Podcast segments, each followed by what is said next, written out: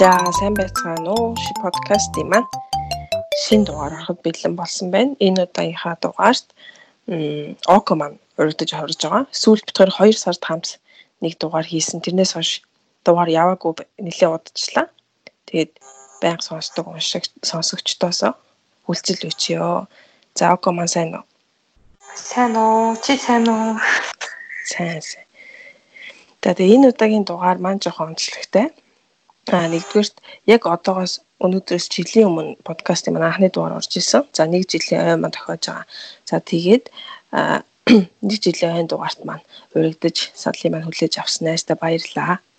Баярлалаа. Баярын минь хүргэе. За тэгэхээр энэ удаагийн дугаартаа сонсогчдын маань дундаас OCD буюу урлагт бодол албадмал үйлдэлийн эмгэг гэдэг энэ сэдвийн талаар дэлгэрэнгүй мэдээлэл авахыг хүссэн хүсэлт ирсэн байгаа. За энэ хүсэлтийн дагуу дугаар бэлтгэж оруулах гэж байна. За тэгээд OCD гэдэг үгээр нь бол хүмүүс айгүйх бас ерөнхийдөө мэддэг. Аа тэгээд улагт бодол албадмал үйлслийн эмгэг гэж монголоор нэрлэдэг. За энэ нэрээр нь нэр нь урт учраас бит хоёр ерөнхийдөө OCD OCD гэдгээр нь нэрэд явчихна.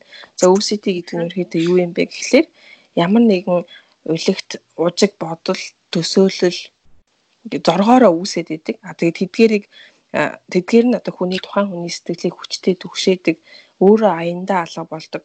Тэгсэн мөрчлөө дахиад бацаа бацаа гараад ирдэг тийм уйлэгт бодлууд үүсдэг. Үүнээсээ энэ бодлуудаас хамаарад албадмал түүнийг намжаах үйлдэлүүд үүсдэг. За тухайн одоо бодлууд нь хичнээн тэнэг буруу гэдгийг тухайн хүн мэдж байгаа ч гэсэн түүнийг удирдах чаддаггүй энэ эмгийг хилдэг байгаа. Аа. За тэгээд улигт бодол гэдэгт нь болохоор бас янз бүрийн бодлын төрлүүд байгаад байгаа тийм. Тийм. За одоо жишээлбэл яламгүй зовлонт бодол гэдэг юм бол ямар ч утгагүй тэгээд ерөөсөө салж өгдөггүй бодлууд, муу бодлууд, за тэгээд цэцэрхсэн бодлууд, эргцүүлсэн бодлууд, эсрэг тесрэг тохиромжгүй бодлууд, за тэгээд улигт дурсамж гэхлээр жишээлбэл одоо нэг өнгөрсөнд үүрхэн гаргасан алдаа эндэгдэлч байдаг юм өнгөрсөнд болсон травма зэрэг янз бүрийн бодлууд нь салахгүй байгаад ах энэ бодлуудыг хилж үздэг байгаа. Ерөнхийдөө тухайн хүн эдгээр бодол нь одоо ашиггүй энийг бодох хэрэггүй гэж мэдсээрэн байсан ч гэсэн энийг удирдах бодлоо удирдах чаддгүй гэсэн. За тэгээд яагаад ер нь эдгээр бодлууд нь үүсээд идэм бэ гэдэг талаар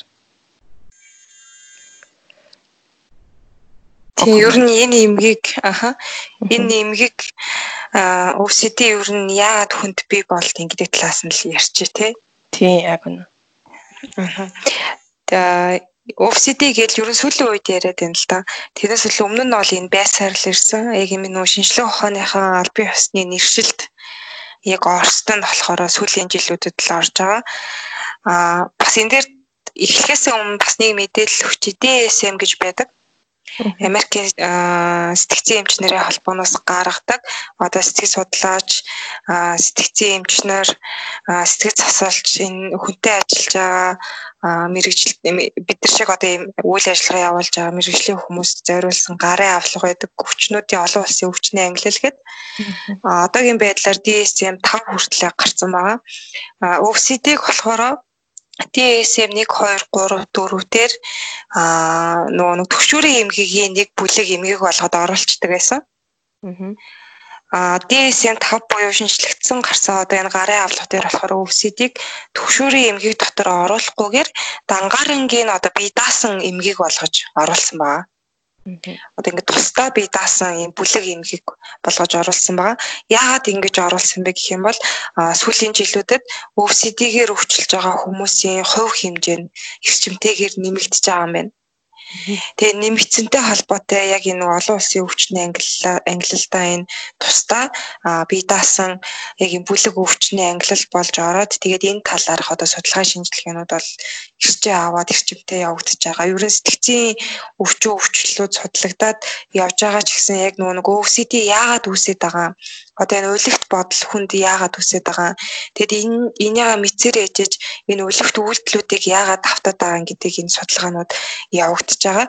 Аа тэгэд яг нөгөө нэг бүчлэгийн хэлснээр энэ үлэгт бодлоо өөрөө мэдээд байгаа хэрнээ удирдах болж чаддгүй гэд. Тэгээд өвсөд анх өвсөдийн бодол хизээ үүсч эхэлдэг юм бэ гэхэлэр өсвөр наснаас эхлээд яг нэг шилжилтийн наснаас эхлээд энэ өвчлөлийн шинж тэмдгүүд илэрдэг юм байна л да. Өөрөөр хэлэх юм бол яг 14 15 наснаас эхлээд а тэгээд түүнээс хоошо бага насны хүүхдүүдэд болохоор энэ илэрж байгаа байдал нь харьцангуй бага байгаа даа. Аа э, хамгийн эхлээд бол 14 15 наснаас эхлээд тэгээд хойшоогоо хэдэн ч нас хүрч болно. Хэдэн ч насны хүнд илэрч болно. Энэ үлэгт бодол юм гэх нь аа тэг яагаад үүсдүгэ гэхлээр янз бүрийн одоо эрдэмтэд судлаад байна л да.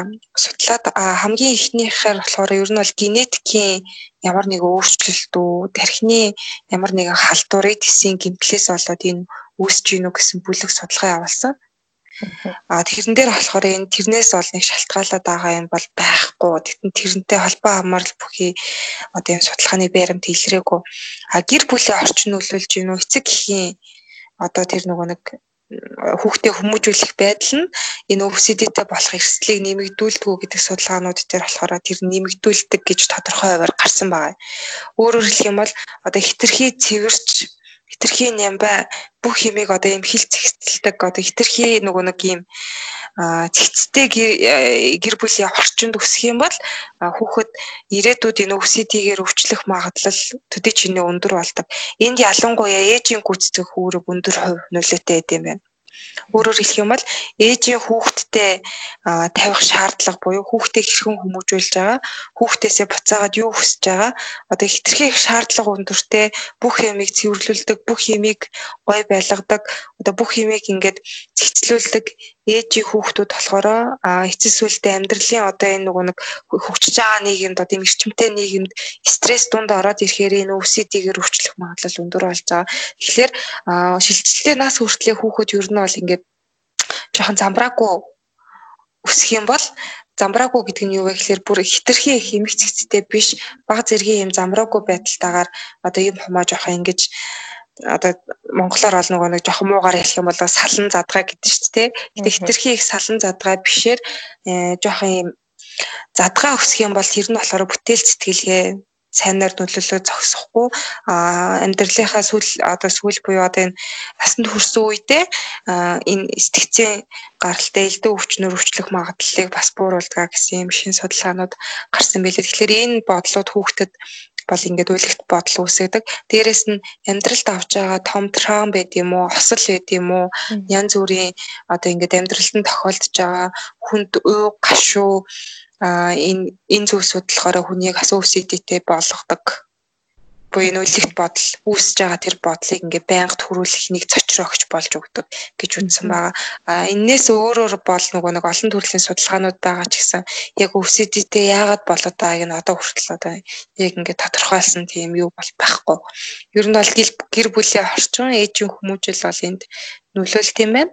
Аа тэгээд яг амьдралд авч байгаа маш том хүнд стресс аа тэгээд одоо салалт байж болно, автомашины хосол байж болно, хин нэгнээ алдах байж болно. Энэ тохиолдож байгаа уугүй нөгөөд өөрөө өвсөдийг бас үүсгэх нэг цочрогч юм аа гэж бол ингэж гаргасан байгаа. Тэгэхээр яг гоё юм гоё санаа орж ирж байна ээжийн зүгээс хүүхэд хүмүүжлийн зүгээс хүүхдэд эргээд тэр нөгөө хүмүүжүүлсэн арга барил нь хүүхдэд эргээд энэ OCD болох магадлал байгаад байгаа мэн гэдэг судалгааны арга гарч ирсэн гэдэг. Тэгэхээр бит хоёрын яг өмнөх сүүлийн дугаар бол тий сэтгэл сэтгцийн хувьд эрүүл хүүхэд өсгөх арга барил ямар ямар санаанууд юу ээжүүд аавууд тий анхаарах хэрэгтэй гэдэг сэдвэр бит хоёр яг ярьсан. Магадгүй хүмүүс сонирхч байвал өмнөх дугаарыг сонсч болно. За тэгээд энэ дээр бас санийх дээр нэмээд хэлэхэд энэ OCD гэдэг энэ эмгээр өвчлөх магадлалтай энэ зан чанарууд гэдэг дээр бас яг сая Явкогийн маань хэлсэнтэй адилхан хариуцлагын мэдрэмж өндөр хүмүүс гэдэг нэр орж ирээд авахгүй. Тэгэхээр эцэг гэхийн зүгээс аюу хариуцлагатай байхыг шаарддаг, эмх цэгцтэй байхыг шаарддаг хүмүүс иргээд OCD-гээр өвчлөх магадлалтай хүмүүсийн тоонд ороод явцдаг. Тэгээ дээрээс нь зөрүүд хүмүүс бас өвчлөх магадaltaй байдаг байна. Дээрээс нь хамгийн чухал нь энэ perfectism буюу хит төгс байх үзэл гэдэг тийм хүмүүсийг одоо жишээлбэл perfectism гэхээр яаж ч ойлгож байна л да жишээлбэл юмыг өнгөөрн угсар одоо угсарч тавих хэрэгтэй ч гэдэг юм уу? Хэмжээгээрээ байх хэрэгтэй ч гэдэг юм уу? Ер нь хүн болгонд тиймэрхүү юмыг төгс одоо эмх цэцтэй байх хүсэл байдаг. Гэхдээ төгс гэдэг энэ perfectism гэдэг үзэлтэй хүмүүс болохоор яг тэрнийхээ өөрийнх нь хүсэн хүлээгээд байгаа хүлээлт үүсгээд байгаа төгс байдал гэдэг нь юу юм бэ гэдгийг өөртөө яг мэддгүү эцсийн хязгаар нь байхгүй. Юу ч хийдгүүл яг төгс гэж үзэх юм бэ гэж хэлэхээр өөрөө мэддгүү тийм үзлийг хэлээд байгаа байхгүй. Тэгэхээр ийм үзэлтэй юмыг хитрхи төгсөөр байлгах гэж төгс байлгах гэж оролддог. Тэгээд тэрнээсээ өөрөө стрессдэг хүмүүсээс эргээд OCD болох магадaltaй байдаг юм байна. За тэгээд дэлхийн эрүүл мэндийн түрүүн яг Америкийн DSM-ийг ярьсантай адилхан дээр би дэлхийн эрүүл мэндийн байгууллагаас гаргасан юм тайлангийн үр дүнгээс харахад OCD-ний одоогийн байдлаар одоо энэ сэтгцийн эмгэг сэтгэл зүйн янз бүрийн стресстэй холбоотой эмгүүд дундаас хүний нэг өдөр тутмын амьдралын үйл ажиллагаанд маш их хүндрэл үзүүлдэг 10 өвчин гэсэн юм жагсаалтыг гаргасны дотор нэг OCD орж байгаа. Тэгэхээр магадгүй ингээд сайн мэдгүй усуудад юмыг эмх цэцтэй байх гал үз гэдэг ч юм уу те. Одоо жишээлбэл улигт бодол те. Одоо бит хоёрын жишээ аваад байгаа юмыг эмх цэцтэй байлгамаар энэ гэдэг юм өнгөөр найдлахын загсаас тавьмаар байна гэдэг ч юм. Энэ яагаад тийм байж болохгүй юм бэ гэдэг тийм бодол орж иж магадгүй. Тэгтээ Энэ бол яг үнэндээ эргээд тэр хүмүүсийг аягүй стресс зүйлдэг өдөр тутмынхны амьдралд аягүй хүндрэл үүсгэж юм байна гэдгийг мэдэж авах хэрэгтэй байх гэж бодож байна. За тэгэхээр үргэлжлүүлээд би зөвхөн тэр хүмүүсээ биш нөгөө нэг бас эргэн тойронд байгаа хамт ажиллагсаад гэр бүл ихнийг аахгүй тий. Тий. Буцаагаад аягүй хэцүү байдалд оролдог. Тэгэхээр хүмүүс одоо яг түрүүгийн эхлэл рүүгээ буцаад явах гэдэг юм л да. Увлигт бодол гэж байгаа энэ бодол нь тэнэг гэдгийг нэг тийм улааг гутга учиргүй гэдгийг мэдж байгаа ч удирдах чаддгүй. За тэрнээсээ болоод дараагийн албатмал үйлдэлүүд нь бий болдог байх байхгүй юу. За тэгэхээр яагаад улигт бодол нь албатмал үйлдэл болдог вэ гэхээр нэгдүгээрт одоо тухайн бодлоосоо хамраас төгсгөл нь төгшөө таагүй байгаа шүү дээ тий.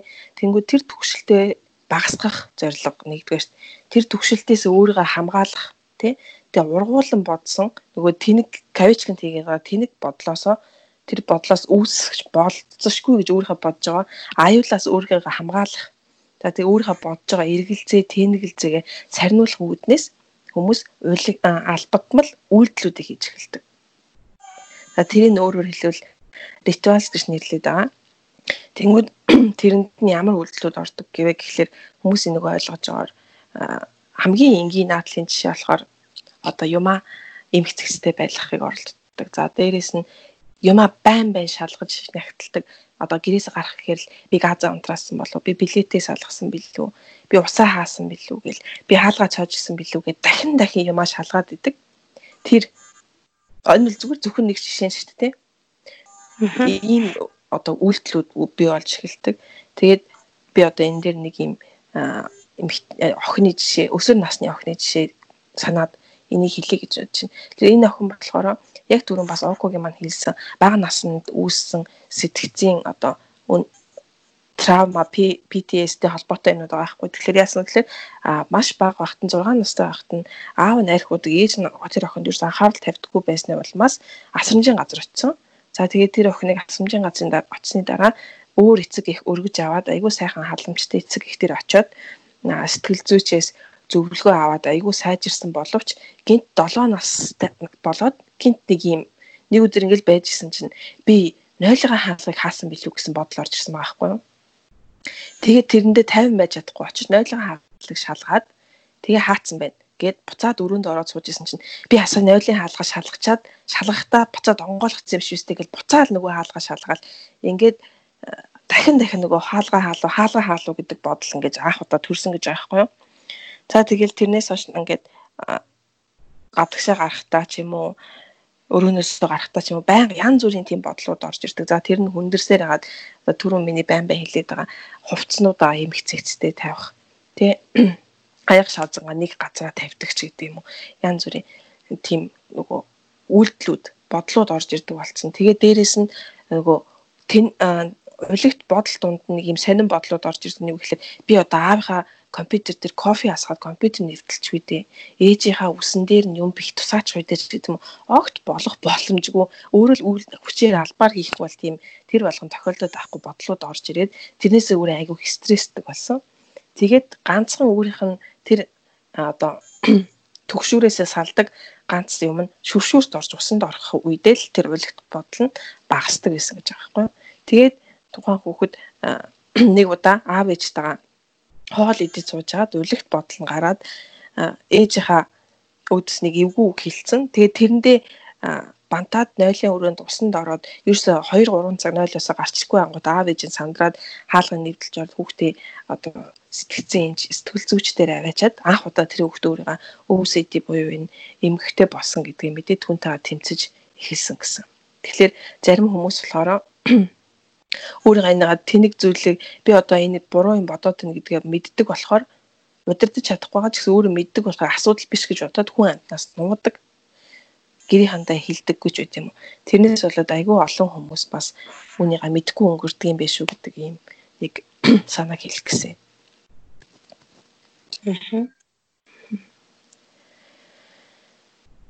За тэгээд энэс үргэлжлүүлээд одоо Жишээлбэл ямар тохиолдолд би өөрийгөө уйлэгт бодол албадмал үйлдэлийн эмгэгтэй болсон гэдгээ гэж ойлгож болох вэ гэдэг сэдвээр ярилцъя гэж бодож байна. За тийм ер нь бол хүчтэй шинж тэмдгүүдийн талаар сая хоёрын гэхдээ ярьсан юмнууд төр бол гараа гараал явлаа тий. Аа. Гэхдээ нөгөө нөгөөлөгт бодлын яг шинж тэмдгүүд нь эдэр эдэр гэ ерөөхий бас тэг юмнууд байгаа тий. Аа. Тэрийг хэлээ ах. За тэгээ. За жишээлх юм бол сая нөгөө түрүүний хэлсэн шиг плетхийн унтраалуугүй юу гэдэг бодол. А гэрээсээ гарахтаа ер нь гэхдээ ингээд хэлэхэр хүн болгонд л би ч гэсэн тэгдэг гэрээ төвчлөө яалаа хаалгаа хаалуу яалаа гэд дандаа нөгөө нэг шалгадаг тий. Гэтэ одоо энгийн хүмүүс ч нь болохоор өдөр тутмын амьдралдаа энэ үйлдэлийг нэгээс хоёр удаа л давтдаг. Аа хаалгаа шалга хаалгаа төвчлөө яалаа гэж сандраад буцаж ирээд татаж үзээд төгцснээ одоо мэдсэн үедээ буцаа явчихдаг тий. Гэтэл энэ үйл ялэгт энэ үлэгт бодолтой хүмүүс болохоор яадаг вэ гэхэлэр энэ бодлоо 100 боддог. хамгийн багтаа зүгээр нэг одоо хүмүүст ялгаж ойлгуулахын тулд ингэж тоогоор хэлээд байна л да. Аа зугаас ч олон бодож болно. Тэр бодол нь хаалгаа төгжээгүй гэдэг бодол нь тэр өдөржингөө үргэлжлэнэ а билетгээ унтраагүй гэдэг бодол нь өдөржингөө өргөлнө. Тэгээд энэ нь өөрийг нь асар дарамттай байдалд оруулаад асар их төвшүүр, асар их айцыг энээсээ буцаагаад мэдэрдэг. Тэгээ тийм учраас одоо нөгөө нэг өдөр тутмын амьдралаа авч одоо энэ OCD хүндэрсэн үед өдөр тутмын амьдралаа ингэж тэнцвэртэйгээр авч явахд хүртэл хэцүү болдог. Ажил дээрээ тайван сууж чадахгүй хөлс нь гарна ажлаа хийж чадахгүй, ажлын бүтээмж байхгүй, хүмүүстэй харилцаж чадахгүй, хүмүүстэй удаан хугацаагаар ярилцаж чадгаал. Яагаад вэ гэхээр нөгөө нэг үлэгт бодлууд нь өөрийг нь зовоогоод байгаа. Гэрээсээ хүртэл гарч чадхаа байлдаг хүндэрсэн үедээ. Яг үнэ.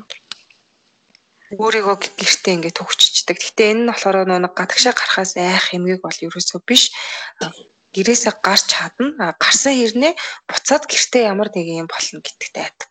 Өөрөөр хэлбэл манай гэрт гал гарчна. Бүр хүндрээд эхлэх юм бол а манай газын хоолой дэлбэрчин. А эсвэл манай гэрт хулгай ороод миний бүх үнэт хэдлэлийг авчна.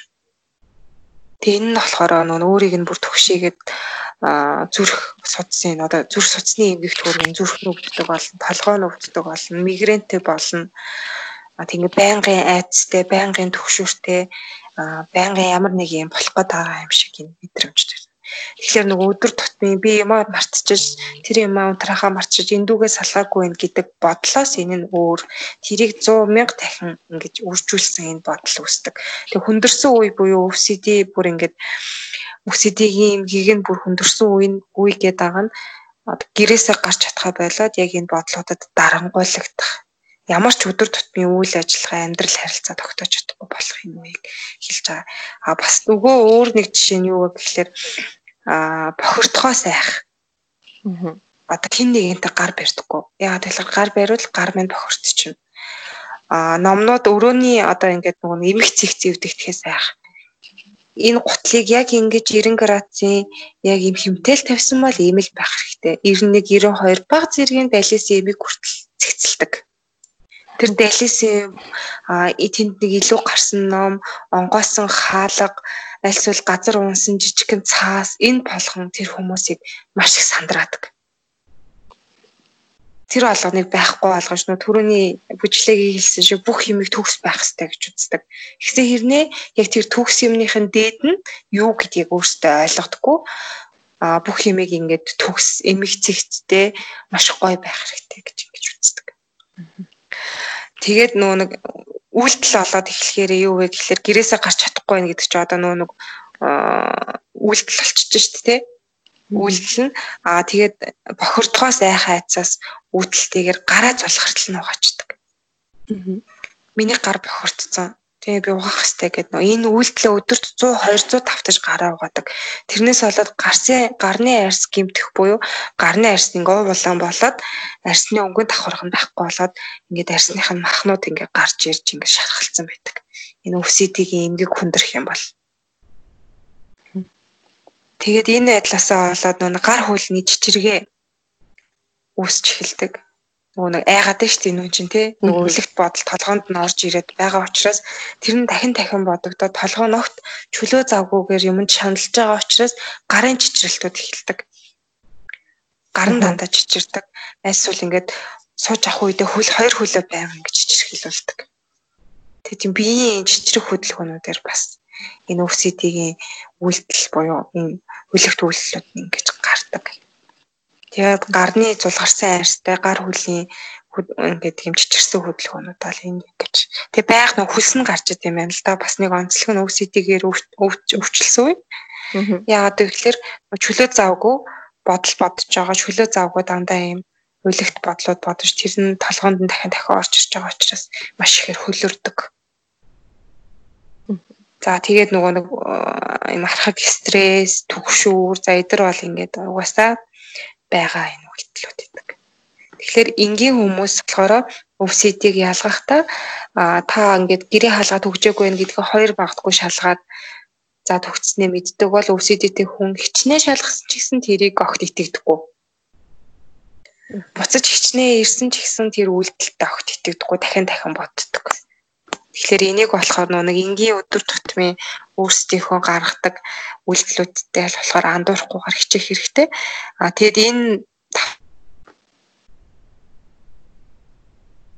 тагтаага энэ бодол нь 3 сар болон түүнээс дээшээ болоод ирэх юм бол за энэ нь бол ингээд OCD-гээр өвчлөх үе юм байна гэд яг OCD-ийн эмчилгээнд орох зайлшгүй шаардлагатай байдаг. Тэг ялцчгүй нөгөө энэ сэтгцийн сэтгэл зүйн эмгэг сэтгцийн эмгүүдэд болохоор ганцхан одоо жишээлбэл өвсөд ганц дангаар явдаг ч юм уу тийм байдгүй те. Жишээлбэл өвсөд чи өөрөө хүний нэг сэтгэл төвшил ихтгүүл сэтгэлийг төгшүүртэй байлгаад байгаа учраас эргүүлээд бас нэг стресснээс хамаарат төгшилд айдсын эмгүүд давхар яваад ах магадaltaй. За тэгээ бүр цаашлаад хувь хүний эмгүүд давхар үүсэх магадaltaй. Тэгэхээр нэг дан ганц мөртлөө давхар давхар олон өөр эмгийн шинж тэмдгүүд гараад ах магадaltaй. За тэгээ йога маань сая айгуу гоё хүмүүсийн энэ OCD болцсон хүмүүсийн өдөр тутмын амьдралд хүндрэл учирдаг гэдэг нь ямар учиртай бэ гэдгийг айгуу гоё тайлбарлаж өгсөн ойлгоход амар байсан болов гэж бодож байна. Тэгэхээр яг бид хоёр илүү хүмүүст ойлгомжтой байдлаар жишээ аваад байгаа нь л одоо тэг гэрээсээ гарч чаддгүй ч байд юм уу гараа угаадаг ч байд юм уу энэ жишээнүүд байгаа боловч маш олон төрөл байгаа. Жишээлбэл одоо өөрөө өөрийгөө удирдах чадахгүйгээр байнгын ижил зүйлсийг хайдаг ч байд юм уу те. Одоо шатаар гарахтаа тоо тоолоо тэнгууд одоо тухайн тоо нь өөрийнх нь одоо тэгш тоонд дургүй хүн байлаа гэж бодоход тэгш тоотой шат байх юм бол өөрт нь муу зүйл тохиолдно гэж бодоод тэр шатаар гарахаас татгалздаг ч байд юм уу гих мэтчил ямар ч байдал байж болно. Цохимжгүй жишээлбэл олон нийтийн газар явж байгаад өөрөө хэлхий гэж бодог өмөртлөө ойрлж хашгирдаг ч юм уу, муухай үг хэлдэг ч юм уу. Тэгвэр дотроо биелж болохгүй гэж бодож байгаа ч гэсэн тэрийг хэлждэг ч юм уу. Ян зүрийн байдлаар эсвэл нэг юмыг дахин дахин давтаж хэлдэг ч байд юм уу. Ян зүрийн байдлаар илэрч болно. Тэгэхээр энэ дээрээс а одоо түрүү яг Окоман хэлж исэн. Яг подкаст эхлээс өмнө хоёр ярьж хаад ярьж исэн. Энэ нөгөө цар тахлын үе байгаа учраас ингээд бид нэр өөрсдөө яг энэ OCD-д хамаарах гад энэ шинж тэмдгүүд илэрх гээд байна гэд тэ. Тэгэхээр одоо жишээлбэл нөгөө энэ ковид гарснаас хойш бол байнга гараа угааж цэвэрхэн байл хаколтой салфеткаар юмаа арч энэ гэсэн тийм зөвлөмжүүд яваад байгаа шүү дээ дэлхийн эрүүл мэндийн байгууллагаас хавуулаад тэгэхээр нөгөө байнга гараа угаах хэрэгтэй болоо тэр нь өөрөө гараа угаахгүй болохоор зэрэг стресс гэдэг энэ төр байдаг болсон байгаа байхгүй юу тэгэхээр яг OCD бид нэр шинж тэмдэг хандлага ажиглаж чинь за энэ тэгэхээр энэ бол үнэхээр эмгэг байна гэдгийг бид нэр яаж ялах юм бэ гэдэг талаар цохос ярих гэж бодож байна. Аха. За тэгэхээр энэ ч хой хүний 30 асуулттай тест байна л да. Тэгэхээр би энийг бүгдийг хойлоо асуухаар цаг маань бас яваад өгөх болохоор нэг хит хитэ асуултыг асуугаад тэгээ за үлдсэний нь болохоор би подкаст пэйж дээр оруулчихъя. А пэйж маань мэдгүй хүмүүс бол яг энэ подкастын нэрээр хайхаар пэйж маань Facebook дээр гараад ирдэг байгаа. Тэгэхээр подкаст маань урсны дараа Facebook-ийн пэйж дээр давхар энэ листийг оруулах болохоор бүгдээрээ сонирхож байгаа мэдмээр байгаа хүмүүсний энэ 30 асуултыг ороод үзээрэй гэж бодож байна. За тэгэхээр энэ нөгөө асуултанд яаж хариулах вэ гэхээр ерөөсөө тодорхой нөхцлүүд өгсөн байгаа. Тухайн нөхцөл тийм үгүй гэдэг байдлаар хариулна.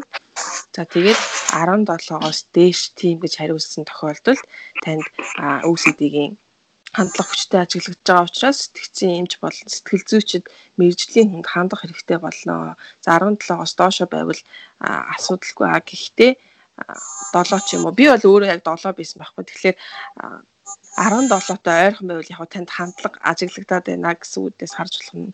За тэгэхээр би ок одоо хит хитийг асууж үзье чи өөрөө тийм үгүй хариулаад яваад үзэх үү. Ямар хүн байх гэж хэлэхэд тийм. За тэгэхээр а юмыг дахин дахин давтаж хийдэг тул цаг их авдаг. Цаг их үрдэг. Үгүй.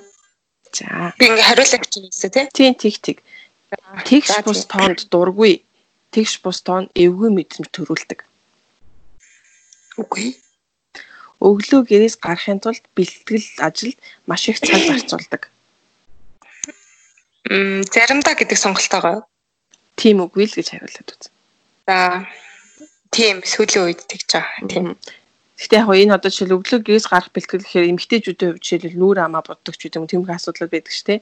Тэрэн дээр цаг авдаг бүтэн цаг нүрэ боддог эмгтээч байдаг. Тэгэхээр цагийг хавдаг гэдэг аюунд орох гээд байгаа хгүй. Тэгэхээр яг нөгөө яг түрүүн чиний хэлээд байсан жишээ шиг өглөө гарахын тулд нөгөө нөгөө л олон юмудаа шалгах хэрэгтэй. Нөгөөдөл чинь яг би юмаа унтраасан уу салгасан уу бэлэн үү гэл юмаа дахин дахин шалгасаар байгаа цаг их автгүй юу л гэдэг өнцгөөс нь хараад тий сая яг тэр талаас нь бодоод ер нь би гарахтаа яадаг гэлээ сүүлийн үед гэхдээ би удаад байгаа байхгүй аа тийм энгийн үеийнхтэйгээ харьцуулаад тийм гэл за нийтийн бие засах газраар хос зугтдаг Тийм.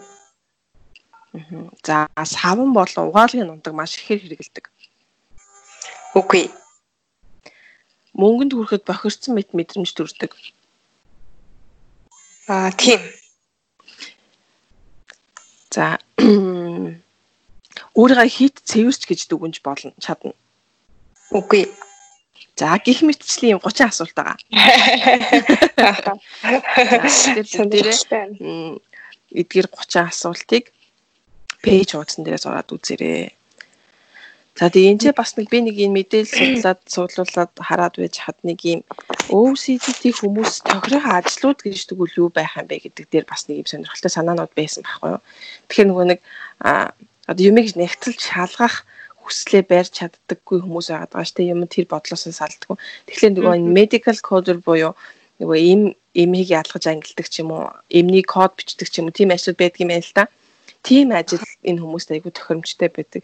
За дээрээс нь IT-ийн ажлууд, за дээрээс нь зураг мэрэгжлийн зурагчин, веб девелопер гэдэг ажлууд энэ хүмүүст илүү тохирдог гинэ. Ийм хандлагатай ч энэ OCD хандлагатай эсвэл OCD-г өвчлж исэн хүмүүс бол ийм ажлын байруудыг бас санал болгох юм биш үү гэж хэлэх гээд байна. За тэгээд одоо хамгийн чухал юм нь юу вэ гэхлээр за энэ өвлөгт бодол албадмал үйлдэлийн эмгэг гэдэг энэ юм чи ер нь эдгэрдэг юм уу? Эдгэрдэггүй юм уу гэдэг талаар хоёлын хүмүүстэй тайлбарлаж өгье те. Тэгээ тэгэхээр хүмүүс сайн нөгөө тестэн дээр байсан.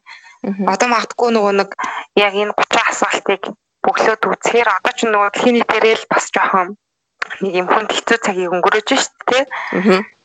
Э, тэгэхээр ганцхан та биш дэлхийн нийтээрээ тэгж байгаа гэдгийг одоо манай сонсогчид бас бодоорой. Тэгээд магадгүй энэнгүүрийг өөрийгөө үнэлсэн чинь баг зэрэг өндөр хандлага гарч магадгүй.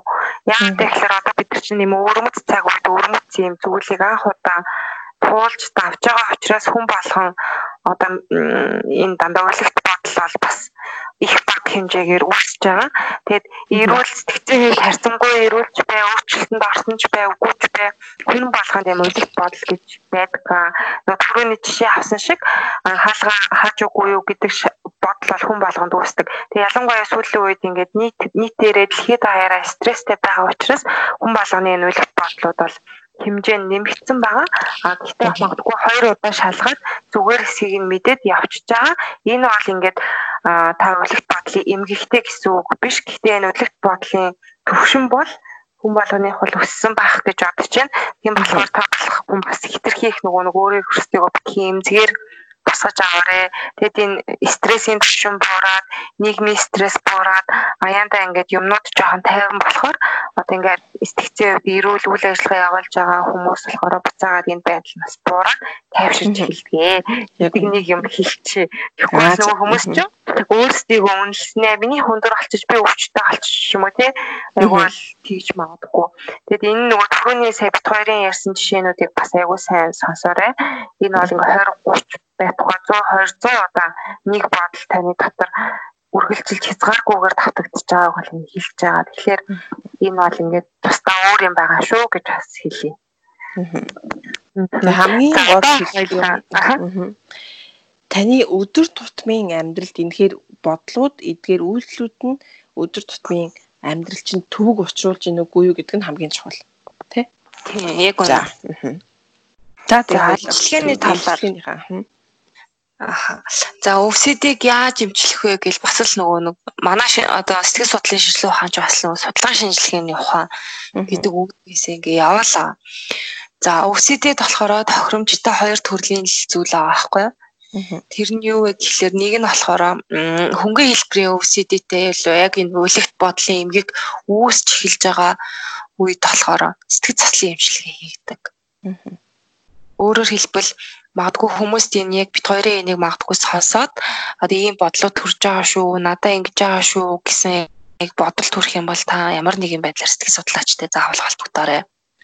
Яа тэгэхээр энэ байдлаа хүндрэх юм бол энэ одоо үйл ялэгт энэ албатмал үйлдэлийн эмгийг бол ингээд ер нь бол бүрэн төгс идэхин гэсэн юм байдаггүй. Хамгийн харамсалтай дахин дахин автагддаг одоо амьдралын стресстэй хэцүү цаг мөч эхэллээ ямар нэгэн юм тохиолдлоо энэ үе болгон дээр энэ үлгэрт бодлууд дахин дахин давтагцаар байдаг. Тэгэхээр энэ эмгэг болж хүндрэхээс өмнө энэ бодлууд эхэлж байгаа тохиолдолд сэтгэл судлаачтай уулзч олно. А сэтгэл заслын арга буюу сүүлийн үе CBT нөгөө нэг cognitive behavior therapy гэдэг танин мэдхүү зан үйлийн засвал энэ OCD-д бол их тохирдог. Өөрөөр хэлэх юм бол энэ үлэгт бодлоо эхлээд бүрэн гүйцэд танин мэдх юм байна. А дараа нь энтэй холбоотой гаргаж байгаа зан үйл буюу үйлдэлүүдэд өөрчлөх тэр заслыг хийлэгдэг. А тэгээд магадгүй хүндэрсэн аль сүлийн үлэгт бодол илүү давмгай болсон үед дээр болохоор антидепрессив юмнуудыг ууж эхэлдэг. А антидепрессив юмнуудыг болохоор давхар анти антипсихотик юмнуудтай хамт хавсарч одоо нөгөө нэмчийнх нь одоо тэрийг аль юмнуудыг ямар тунгаар өгөх гэдэг одоо энэ сэтгцэн эмчийн бас өөрийнх нь дүгнэлтээр нь бол ингээ хавсарч хэрэгэл тэгээ терапи эмчилгээтэй хавсарч ээж олон ингэж шинж тэмдгүүд нь багасдаг. Угаасаа нөгөө нэг эмээ эмчилгээ явагдаад эхлэхээр үлэгт бодлоод багасч эхэлнэ. Нэг зүйлээ олон дахин давтамж бодхоо болно. Олон дахин үйлдэл хийхээ болж эхэлдэг. Тэгээд энэ шинж тэмдгүүд ингээд дарагдаад эхэлдэг. Тэгээд энэ үед нь болохоор хүмүүс ихэнхдээ нөгөө туршлагаараа болохоор терапиа зогсооч тийм байна. Аа. За тийм сэтгэл сэтгэл зүйчтэй хандхаа болчтой байна. А тэгээд эмийн эмчилгээ дуусаад эхлэхээр яах вэ гэхээр нөгөө ойлголт бодлууд нь дахиад давтагдаж өөрийг нь зовоогоод эхэлнэ. Тэгээ энэ үед нь дахиад хандаж эхэлт юм байна л да. Тэгэхээр сэтгэл судлаачид болохоор юу гэж зөвлөдөө гэхээр та үйл ялагт үлэгт үйл ялагтын нөгөө нэг албатмал үйлдэл эмгээр хідэн ч насандаа өвчилж олно. Хідэн ч насандаа энэ эмгийг дайрч өнгөрч олно. Харин сэтгэл судлаачтайгаа холбоо холбоо сүлбээг бол хизээж тасалж болохгүй. Яагаад гэвэл энэ дахин дахин давтагддаг ийм эмгэг учраас одоо байнгын одоо хяналтанд байж байнгын харилцаатай байж эмээ эмчилгээгээр бол энэ шинж тэмдгүүдэд дараад сэтгэл заслын эмчилгээгээр бол энэ албатмал энэ бодол үйлдэлүүдээ илүү засах ухаарах тэр тал руугаа чиглэнэ гэж зөвлөдөг. Тийм л нэг хоёр зүйл байгаа юм.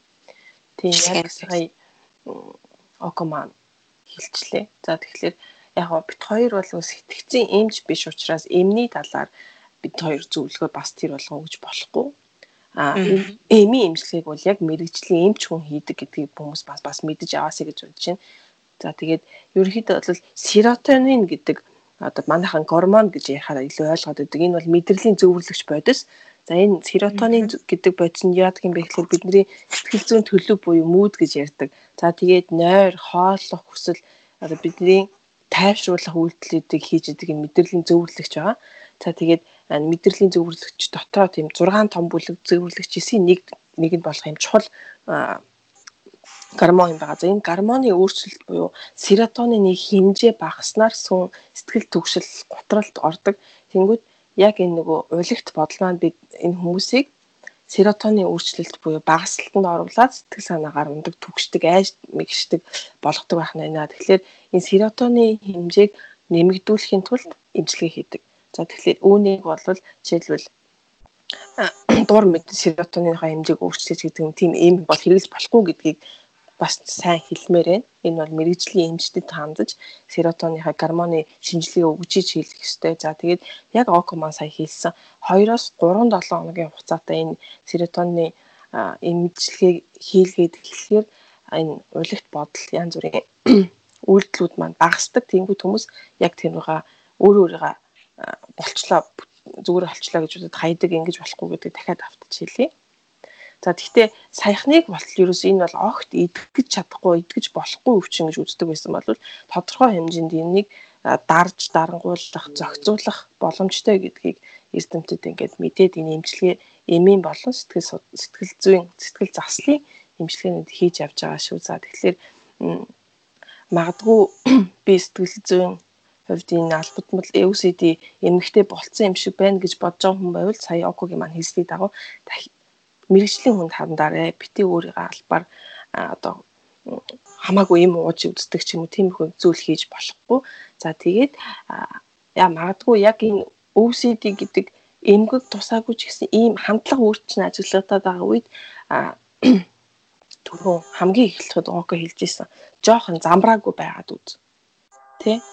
Тэгээд өөрийнхөө нөгөө нэг майнд контрол хийгээд нөгөө нэг юу гэдэг лээ бясалгал бясалгал хийж үзэх нь ерөөсөө хамгийн бест зам гэж үздэг. Тэгэхээр магадгүй тэр бодлууд уйлгт бодол орж ирээдээ бол бясалгал хийж үз. За тэгэхээр бит хоёрын зүгээс хэлж байгаа point нь мэрэгжлийн хүнтэй хамт а эсвэл яг өвчин эмгэх хэмжээнд хүрээгүй ч гэсэн та стресстэй ийм шинж тэмдэг илрээдээ бол бясалгал хийж үз. А тэгээд өөрийнхөө стрессийг тайлах ямар нэгэн аргаа өөрөө ол түрүү би тэр нэг охины чинээр хэлсэн те тодлогод нь бодол орж ирээд хавь шүршүр дөрөхөөр тайвширдаг гэх тийм шиг өөрөө өөрийгөө тайвшруулдаг арга замаа олоод төднийг туршиж үзэж явах хэрэгтэй гэдэг юмыг хэлээд ерөөхдөө дуусгал яаж вэ? Тэгээ тэгээ сэтгэл судлаачид бас хандхаа битгий мартаарэ. Тэгээд энийг бол хоёлын ер нь бол подкаст бүр дээрээ л хэлж байгаа. Аа та ямар нэгэн байдлаар хандмаар ярилцмаар санагдвал одоо сэтгэл судлаач нар бол үргэлж бэлэн байдаг. А тэгээс бол нөгөө онлайнаар бас зөвлөгөө өгж байгаа хүмүүс байгаа. Тэгээ та өөрийн сайн мэддэг судалсан сэтгэл судлаач найзуудтайгаа бас онлайнаар холбогдож холбогдох боломжтой гэж бодож байна. Тэгэхээр сэтгэл судлаач судлаачаа судлаад сэтгэл судлаачид нүүрийн амьдрал тохиолдоод байгаа саад бэрхшээл ярмаар байгаа зүйлсээ ямар нэгэн өөрийн одоо нөгөө бие барилгүй хүчлгүйгээр дандаа хандж байгаарэ гэж асуурайлээ. За тэгэхээр бас ингээд нөгөө пэйж дээр маань бас айгүйх нөгөө мессежээр хүмүүс орж ирээд сэтгэл зүйн зөвлөгөө авах гэсэн юм а гэдэг хүсэлтүүд айгүйх ирдэг байхгүй юу. Тэгэхээр нэгдүгээрт би өөрөө Монголд байдаггүй гадаад байдаг гэдгийг зарим хүмүүс маань дахиад бидэд авчаасаа гэж бодчих. За Око маань Монголтой харьсан байгаа. За тэгээд зөвлөгөө өгч эхлэх юм бол би та бүхэнд тэр хүмүүстэй бандаа Окогоо санал болгож байна. За тэгээд биний ерөөсө байнгын тим хүмүүст хэлж санал болгох нь ерөөсө сэтгэл судлалын үндэсний төвтэй холбогдоод л тэр газрын утсыг өгчдөг байхгүй би. Тэгэхээр янз бүрийн сэтгэл зүйн зөвлөгөө өгдөг газрууд байгаа. Тэрийг өөртөө судалж үзэж болно. За яг яг миний зүгээс бол аа энэ дээр бас нэг төвлөж хүн нэмээд за аа би асуудахгүй зөвлөхөө гэж хэлнэ гэж бодож байгаа. Сайн сургуулаа төгсөөд сайхан ирсэн байгаа. Тэгээд сэтгэл судлалын хүрээлэн гэж байгаа. Тийм бас байдаг хаа. Тийм тавшин фэйсбүүкээр нөгөө нэг пэйж хаягаар нь ороод аа холбоо барьж болно. Хэрэглээний сэтгэл судлалын хүрээлэн гэдэг монголоор бичих юм бол ер нь сэтгэл зүйн тест одоо энэ үнэлгээг бас нэлээд сайн гаргаж зөвлөгөө өгдөг миний мэдээ юм байгаа шүү. Тэгээд бүхэн бас хандаж бас нөр сонсоод энэ хоёр одоо ингээд өөрчлөлт талаар л яриад байдаг. Гэтэл яг одоо ийм шинж тэмдгүүд илрээд байна. Ингээд энэ бас хинт хандах гэдгээ магадгүй бодож иж олно шүү, тий. Тийм. Яг үнэ. Тэгвэл бас ийм нөхөлт нас санал болгоё. Тэгээд та бүхэн энэ саяны хэлсэн хаягуудаар ороод бас ингэж хандаж болно шүү гэж хэлээ. За баярлалаа. Тэгэхээр ингээд бит хоёр OCD гэж юу юм бэ? Яагаад үүсдэг юм бэ? OCD-ийн улигт бодлууд гэж юу юм? Үйлдэлүүд нь ямар юм бэ? Ямар имчилгээ байдаг? Ямар хүмүүс үүнд өртөх магадaltaй байдгийг гэдэг талаар бүх мэдээллийг өгсөн гэж бодож байна. За тэгээд тэр тестийг болохоор бүгдээрээ пэйж хуудасаас аваад үзээрэй. За хамгийн сүүлд нь мэрэгжлийн хүнд хандах хэрэгтэй. За мэрэгжлийн хүнд ханд хаана хандхаа мэдгүй байвал ямар байгууллагууд хандж болох вэ гэдэг мэдээллийг хүртэл өгсөн гэж бодож за ингээд өнөөдрийн дугаар энд хүргээд өндөрлөе. За тийм. Тэгээд өнөөдөр баярлалаа. Дахиад жилийн баярыг мэд хүргэе. За урагчанд баярлалаа ярилцаад таатай байна. Удаан яриаггүй гоё байна.